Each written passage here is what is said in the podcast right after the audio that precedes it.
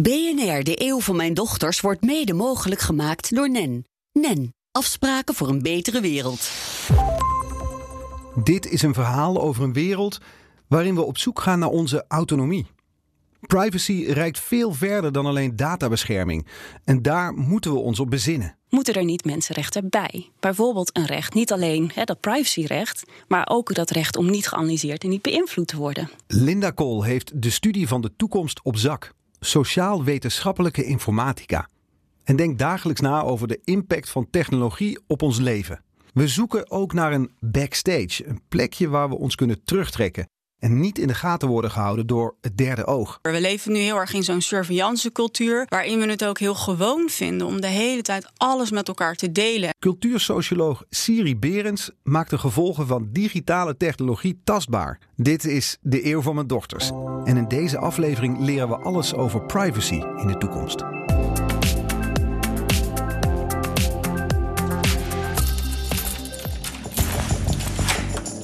Hey Siri, open mijn dagboek. Het spijt me, ik kan je helaas geen toegang geven tot je dagboek. Je toegang is geblokkeerd. Er is per post een brief naar je verstuurd met daarin de verificatiecode. Ik heb Keesje Becky. Hallo? Keesje. Mijn tweelingdochters Puk en Keesje zijn 2,5 jaar oud. Het zijn kinderen van de 21ste eeuw. Een eeuw waarin alles in beweging is. We leven niet in een tijdperk van verandering, maar in een verandering van tijdperk.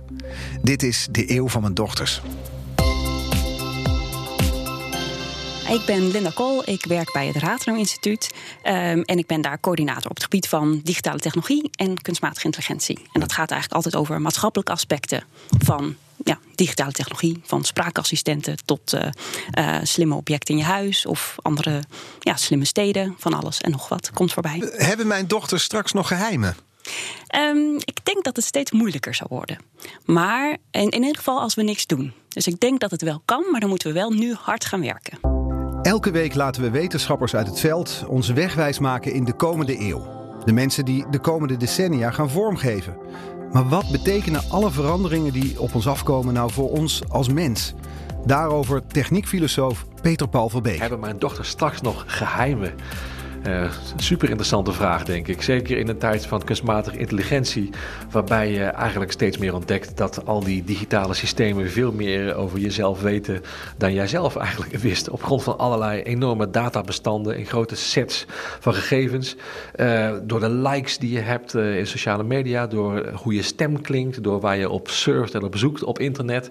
Er zijn bekende verhalen van Google die al eerder weet dan jezelf of je zwanger bent. Een geheim begint iets uh, ingewikkelds te worden in deze digitale samenleving. Mijn naam is Peter Paul Verbeek. Ik ben hoogleraar filosofie van mens en techniek aan de Universiteit Twente en mededirecteur van ons Design Lab. En uh, dit zijn precies de vragen waarvan ik denk dat we ze moeten stellen in deze samenleving. Geheimen hebben heel veel te maken met privacy. En het bijzondere is denk ik dat technologie die betekenis van dat woord ook steeds doet veranderen. Het is heel grappig als je terugkijkt in het verleden, dat er allerlei discussies waren rondom de introductie van de straatverlichting, die heel erg lijken op discussies die wij nu voeren over het internet. vroeger kon je in het donker allerlei dingen doen die het daglicht letterlijk niet konden verdragen. En uh, de dingen die we nu op internet soms doen. En toen het licht aanging, was er enorm protest uh, tegen de enorme uh, interventie in de privacy van mensen door die straatverlichting. Als je nu onderzoekt bijvoorbeeld wat nieuwe technologieën doen met uh, hoe wij aankijken tegen uh, onze eigen privacy, zie je er ook enorme verschuivingen. Google Glass bijvoorbeeld, hebben we onderzocht in onze eigen onderzoeksgroep, heeft uh, ertoe geleid dat mensen een heel andere definitie zijn gaan hanteren van dat begrip. Ja, zeg maar privacy. Waarbij het veel meer gaat over samen zijn in privé settings. En niet alleen maar of jij nog de baas bent over je eigen data. Daarnaast is in een wereld van AI ook uh, de notie van een geheim, denk ik, iets heel interessants. Um, je kunt je zorgen maken over misschien andere landen waar je hele vrijheid van reizen wordt bepaald door je sociale krediet dat je hebt. Maar ook in Nederland zal in de toekomst denk ik het krijgen van een hypotheek, het vinden van een baan, het vinden van een partner in belangrijke mate samenhangen met de analyse die kunstmatig intelligente systemen van jou maken. Grote vragen, dus ik ben benieuwd wat mijn medewetenschappers daarover zeggen. Nou, je ziet eigenlijk dat die digitale technologie op steeds meer gebieden van ons leven uh, ja, er is. Uh, dus hè, in onze gebouwen, in onze huizen, met een spraaktechnologie bijvoorbeeld. En die slimme, slimme apparaten die ja, meeluisteren. Die dingetjes voor je kunnen doen. Er hangen camera's buiten, er hangen slimme camera's ook buiten. nou ja, eigenlijk elk gebied waar je sociale media, je vrienden, dus je culturele leven, alles wordt digitaal. En we hebben ook steeds meer middelen om uit al die digitale data en al die sporen die we achterlaten, daar ook analyses van te doen. Hè. Wat voor mens ben jij? Wat vind je leuk? Wat zijn je hobby's? Wat voor voorkeuren heb je? En dat kunnen we ook real-time bijna gebruiken. Dus dat zien we op internet. We zoeken iets op. Uh, dan kunnen we daar interesses uit afleiden. En we kunnen je een advertentie voorschotelen, bijvoorbeeld. Ja. Zoals jij het omschrijft, zijn we op steeds minder terreinen onbespied. Ja, het wordt lastiger om. Hè, privacy gaat over onbevangen jezelf te zijn. Jezelf helemaal terug te kunnen trekken. Je gedachten te kunnen ontplooien. Je identiteit te kunnen ontwikkelen. En daarvoor moet je ook af en toe even alleen zijn. Gesprekken zijn natuurlijk ook heel goed. Die helpen ook bij het vormen van je gedachten. Maar ook het huis is traditioneel dus ook een plek waarin je dat bent. Daar ben je nou, helemaal op jezelf. vinden we ook fijn. We kunnen lekker op onze joggingbroek of hoe je dan ook wil op de bank zitten. Um, maar goed, uh, nu zie je dus dat er steeds meer slimme apparaten in het huis komen. Dus van een slimme tv uh, die met je meekijkt, weet wat je uh, tv-voorkeuren zijn. Uh, nou, misschien zet je dan minder gemakkelijk iets op, zou kunnen. Of zo'n slimme spraakassistent die dingen voor je kan doen, maar ook blijkt mee te luisteren. ja, af en toe. Als we daar eens naar kijken, naar die slimme spraakassistenten. We hadden natuurlijk Siri van Apple. Google had een assistent. Maar wat er, dat was allemaal op je telefoon. Er komen nu nou ja, slimme boxen die we op onze tafel of in de keuken kunnen zetten. Die luisteren met ons mee, die kunnen een opdracht geven, bestellen eens koekjes. En dan doen ze dat bij de supermarkt. Uh, ja, zover zijn we nog net niet. In Amerika kan het al wel. Dus dan kun je. Uh, dus Amazon heeft ook, de webwinkel Amazon heeft ook een spraakassistent. En uh, zo'n spraakbox of een, een, slimme box. En daar kun je inderdaad al meteen dingen mee bestellen. En in Nederland zijn we nog ietsje minder ver, maar dat zal, ik denk, inderdaad ook snel komen. Want hoeveel Amerikanen hebben al zo'n slimme box in een woonkamer staan? het zijn er in de miljoenen. Ik weet niet precies hoeveel. maar je ziet echt lezen dat een kwart van de Amerikaanse houden, huishouden. ja, het gaat heel hard. Ja, en je ziet uh, in Nederland eigenlijk sinds uh, bijvoorbeeld uh, Google ook de Nederlandse taal aanbiedt, dat het ook ja, dat die adoptie wel snel gaat, sneller dan een mobiele telefoon. We nemen sneller met z'n allen zo'n box in huis dan dat we vroeger een mobiele telefoon namen. En dat terwijl we eigenlijk nog niet weten wat die apparaten nu precies doen en of we dat wel willen. Laat dit even goed tot je doordringen. We hebben heel lang en misschien nog steeds wel alle mooie apparaatjes van de smartphone tot zo'n speaker als een gadget gezien. Um, terwijl het een fundamentele impact heeft op ons leven. En bij biotech en bij gentech... En wat is die fundamentele impact? Nou, dus uh, mensenrechten staan onder druk. Dat zijn grote woorden, dat moet je ja. uitleggen. Ja, nou, privacy is een mensenrecht. Het ja. respect voor het privé en het familieleven. Maar hoezo staat het onder druk als ik een, een, een goede telefoon wil en een box op mijn tafel? Um, omdat er dus allerlei data over jou verzameld wordt. En die wordt geanalyseerd, dus je wordt ook geprofileerd. En het wordt direct toegepast. Hè. Dus er worden op maat dingen aan jou aangeboden. Dus en dat handig misschien, zou je kunnen bedenken. kan zeker handig zijn, maar heel vaak weet je niet precies hoe je wordt beïnvloed. En dan komt jouw autonomie in het spel en die onbevangenheid om jezelf te zijn. Als je niet precies weet hoe, jou wordt, hoe je wordt beïnvloed, kun je dan nog helemaal jezelf zijn. Of welk pad word je dan precies opgestuurd? Hè? Dus we krijgen aanbevelingen op basis van je kijkgedrag. Je vindt dit leuk. En in dat ja, hokje krijg je dan weer nieuwe aanbevelingen. En maar misschien wil je wel iets heel anders zien. Dus je wordt gestuurd in een bepaalde richting. Zo ook voor je koopgedrag. Nou, je, vind je deze dingen leuk, dan vind je misschien dit ook wel leuk. Maar misschien vond je wel iets heel anders leuk. Dus je keuzevrijheid, je autonomie uh, komt daar ook mee. Uh, onder druk of kan daarmee onder druk komen te staan. Dus je hebt nee, privacy en meeluisteren in je huis. Dat is nogal wat. Je huis is toch eigenlijk je meest intieme plek. Uh, nou ja, dus dingen die je doet. Dus je ziet eigenlijk dat, uh, dat meten, dat analyseren en dat toepassen. Dat kan nu met die technologie uh, ja, ineens is het cirkeltjes rond, zeg maar. En we hebben wel goed nagedacht, juridisch gezien, over dat verzamelen. Dus we hebben dataprotectierecht. Van wanneer mag je van iets uh, van iemand verzamelen? Bijvoorbeeld als je toestemming vraagt, dan mag er een hele hoop. Maar we hebben nog niet zo goed nagedacht over die toepassingskant, over die beïnvloedingkant. Wanneer mag je nou zo'n profiel gebruiken om daar ook nou ja, actief iemand mee te sturen? Op de site van het Ratenau Instituut lees ik het volgende. In onze datagedreven wereld worden we gemonitord, geanalyseerd en beïnvloed. Dat dit niet zonder gevolgen blijft, wordt steeds duidelijker en de noodzaak tot bewustwording hiervan is steeds urgenter. Dat is een treffende omschrijving. Maar hoe gaan we dit nu oplossen? Moeten er niet mensenrechten bij. Bijvoorbeeld een recht, niet alleen hè, dat privacyrecht, maar ook dat recht om niet geanalyseerd en niet beïnvloed te worden. Want daar hebben we eigenlijk nog helemaal niet zo goed over nagedacht. Wanneer zitten daar nou grenzen aan? Of van, onder welke voorwaarden mag dat wel of niet? En ook het recht op menselijk contact. En dat speelde bijvoorbeeld ook bij zo'n uh, slimme uh, spraakassistent. Op een gegeven moment was die zo goed. Dus Google had er ook uh, de stem kon en allerlei, nou ja, een beetje stra straattaal. dus ze liet ook een demo zien dat een, de spraakassistent die maakt een kapper, een kapper kappersafspraak. En uh, ja, het is dus eigenlijk de kapper weet niet dat ze de spraakassistent aan de lijn heeft. Nou, daar uh, ja, was dus ook ophef over. Want ja, je wil eigenlijk wel weten dat je met een robot praat in plaats van een mens. Um, nou ja, dus zo zie je ook dat recht op menselijk contact komt ook in al. Hè, met chatbots of met andere dingen. Met wie heb ik nou eigenlijk te maken?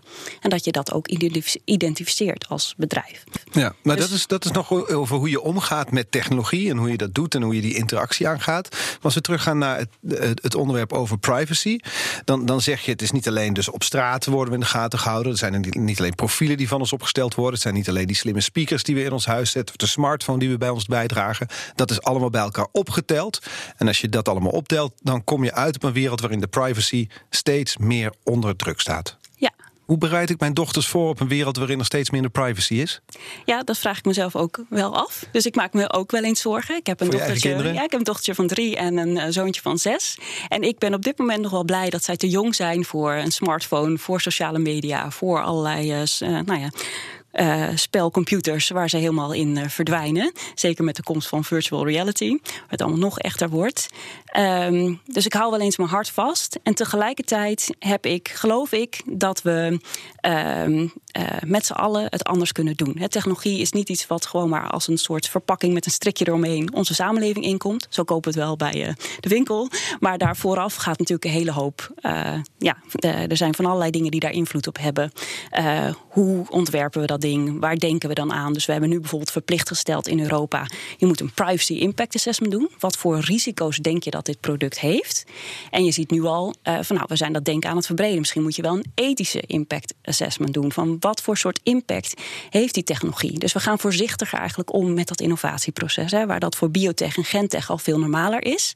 Nou mag niet alles zomaar. we hebben hier natuurlijk helemaal die beta-releases. Het is nog niet af, maar we gooien het online en dan zien we wel. En daarna gaan we wel fixen wat er misschien niet helemaal goed is. Ja. Mag hij een geheim voor je hebben, je zoon? Uh, ja, liever niet, maar ja. Uh, het is mensenrecht, begreep ik net. Ja, precies. Ook, nou, je hebt ook dus kinderrechten. Uh, en ook zij moeten zich kunnen ontwikkelen. Maar dus, ja, de bezorgde moeder denkt er natuurlijk anders over. Ja, ja Net als de bezorgde vader, hoor. Precies, die ook. Nee, ik heb wel eens van die uh, gezien. Daar kun je precies uh, volgen waar je kind is. En aan de ene kant geeft dat natuurlijk een veilig gevoel. Ze liggen niet ergens in de greppel. Maar aan de andere kant dacht ik wel, ja, daar gaat het toch echt. Ik moet ook vertrouwen in mijn kind hebben. Uh, dat hij zich, nou ja, en ook dat hij de ruimte heeft om zich te ontwikkelen. En dat hij eens een keer iets stouts doet. En dat hij, uh, ja, daar leert hij ook van. En dat zullen we ook moeten durven toestaan. En dat kind het ook gunnen dat dat uh, kan. En ja, daar moeten we dus ook voor waken. Dat we niet dat het leven van dat kind helemaal beklemmen en dat hij eigenlijk geen kant meer op kan. U luistert naar BNR, de eeuw van mijn dochters. En in deze aflevering leren we alles over privacy in de toekomst. Mijn naam is Siri Berends. Ik ben uh, cultuursocioloog. Ik ben verbonden als uh, schrijver en onderzoeker aan Media Lab Setup. Uh, bij Setup maken we de gevolgen van uh, digitale technologieën tastbaar voor een breed publiek. En daarnaast ben ik uh, buitenpromovendus aan de Universiteit Twente, waar ik onderzoek doe naar uh, kunstmatige intelligentie en authenticiteit. En je naam is echt Siri? Ja, dat vraagt iedereen. Maar mijn ouders die, uh, waren er eerder mee dan, dan de digitale assistent van Apple. Was je ja. blij mee toen Apple ermee kwam? ja, ik vond het eigenlijk wel grappig. Ja. Ja, ik, ik, ik, vond het niet heel erg of zo. Maar het is natuurlijk wel dat je krijgt altijd een beetje dezelfde opmerkingen. Maar ja, dat snap ik ook wel. En word je veel om hulp gevraagd ook, of niet? Ja, dat is natuurlijk uh, dat ik een soort orakel ben en overal een kant-en-klaar antwoord op moet hebben. Dat, uh, dat gebeurt wel, ja. Zo ga ik jou nu ook behandelen. Want ah. kun, jij, kun jij antwoord geven op de vraag: hebben mijn dochters straks nog geheimen?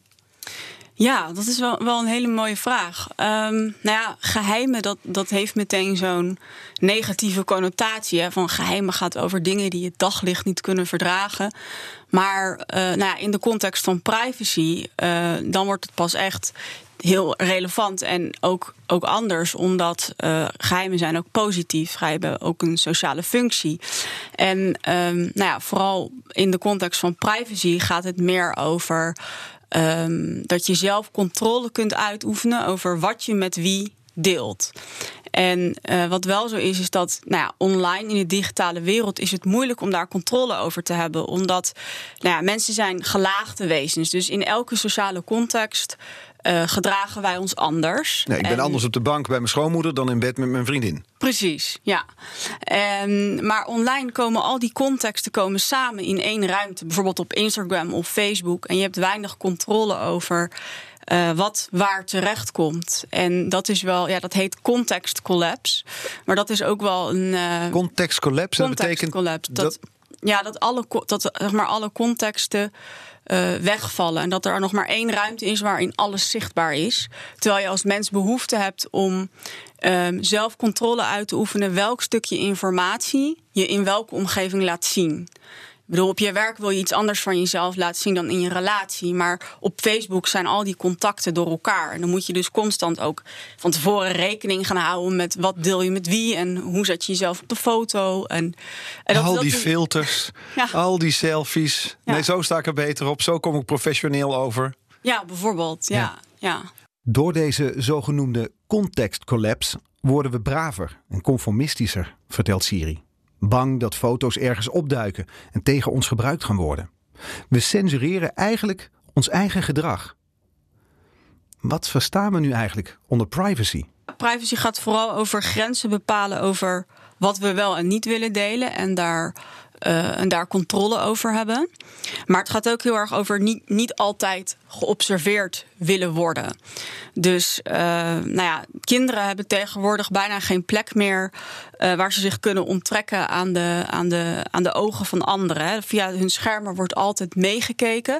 Maar ook, en dat vergeten we heel vaak, we zijn ook uh, elkaar de hele tijd aan het bekijken. Want nou ja, we kennen waarschijnlijk allemaal wel het begrip surveillance. Dat er van bovenaf wordt meegekeken door overheden of bedrijven. Maar je hebt ook nog uh, coviance. En dat betekent dus ja, co van samen, van elkaar de hele tijd bekijken.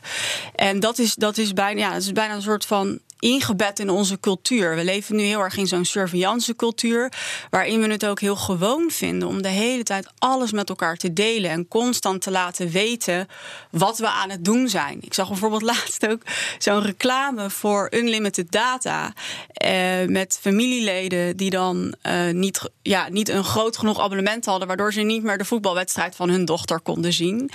Uh, wat dan heel erg is, want ja, je moet altijd alles kunnen zien van elkaar. Dat vinden we, uh, vinden we normaal. Terwijl je ook kan afvragen, is dat wel goed? Of, ja. Bedrijven willen gedragsvoorspellingen halen uit onze data om die vervolgens in te zetten voor gerichte reclame, vertelt Siri. Hoe bang moeten we eigenlijk zijn voor al die nieuwe technologieën en toepassingen? Ik denk dat we daar wel bang voor moeten zijn. Het is vooral zo dat uh, uh, het, verdien, het verdienmodel daarachter, dat is vooral het grote probleem. Dat, Hoe bedoel je dat? Uh, nou ja, tegenwoordig uh, wordt ons gedrag op, op echt op megalomane schaal gemonitord, gekwantificeerd, maar ook bijgestuurd en vermarkt, zonder dat wij ons daar bewust van zijn. Kun je dat concreet maken? Ja, nou ja, het, het, het gaat online niet over voorspellen of jij een vakantie wilt kopen, maar bepalen dat jij een vakantie wilt kopen. Niet voorspellen uh, dat een bepaalde politieke bepaalde politieke voorkeur bij een bepaalde muzieksmaak past. Maar bepalen dat een bepaalde politieke voorkeur bij een bepaalde muzieksmaak hoort.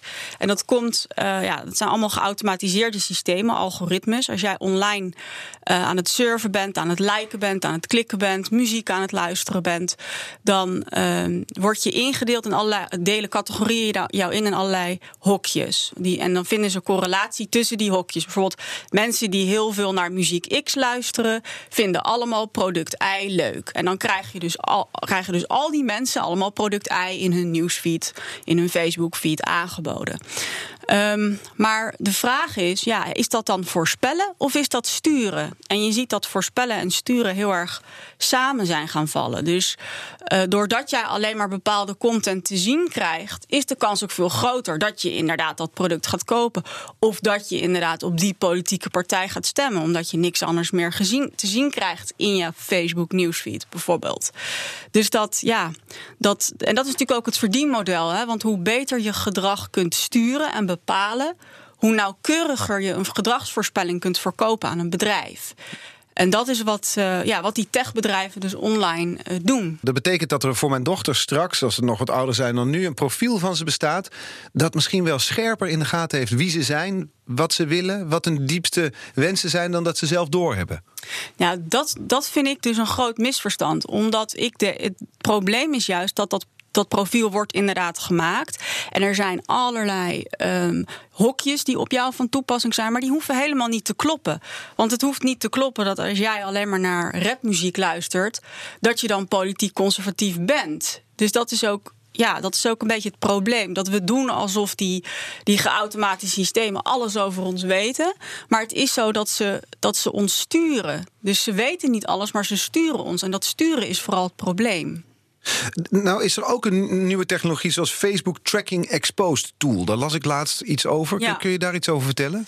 Um, ja, dat, dat is. Um, er zijn natuurlijk mensen worden wel, uh, of een deel van, in een deel van de samenleving worden mensen wel kritischer.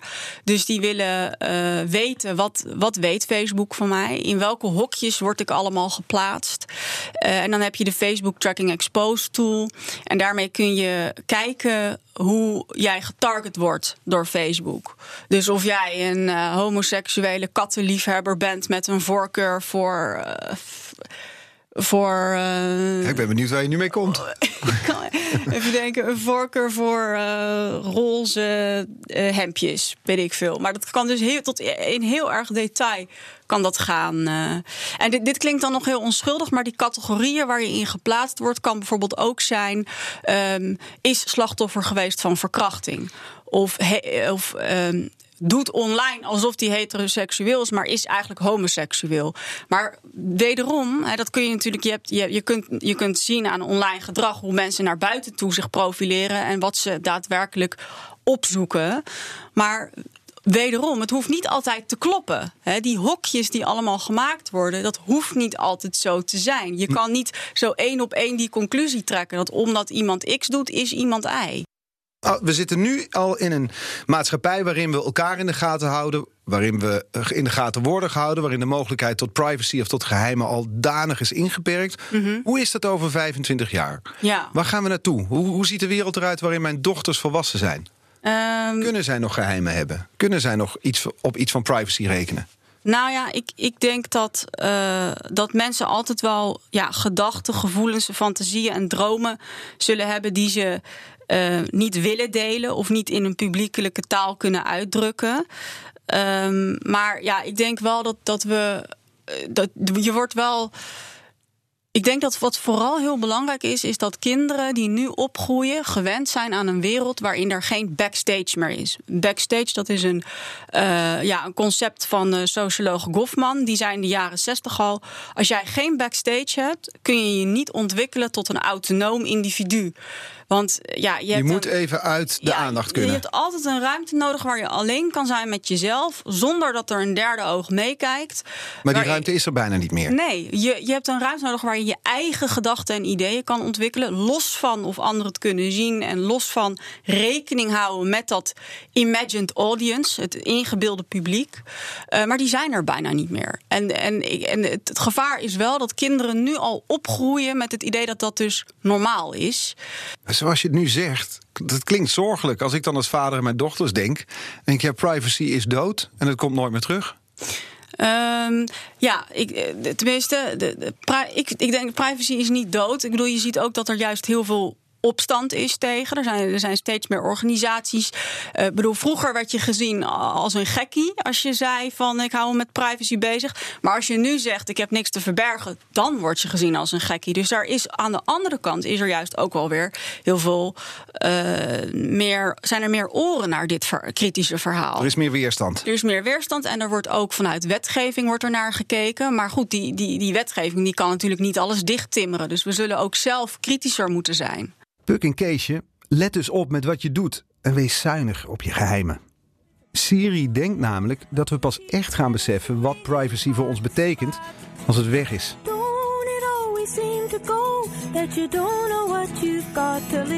Daar moeten we voor waken. Ze ziet wel de eerste tekenen dat we dat aan het doen zijn. Maar of we het verdienmodel van de techbedrijven op dit vlak nog kunnen draaien, dat vraagt ze zich af.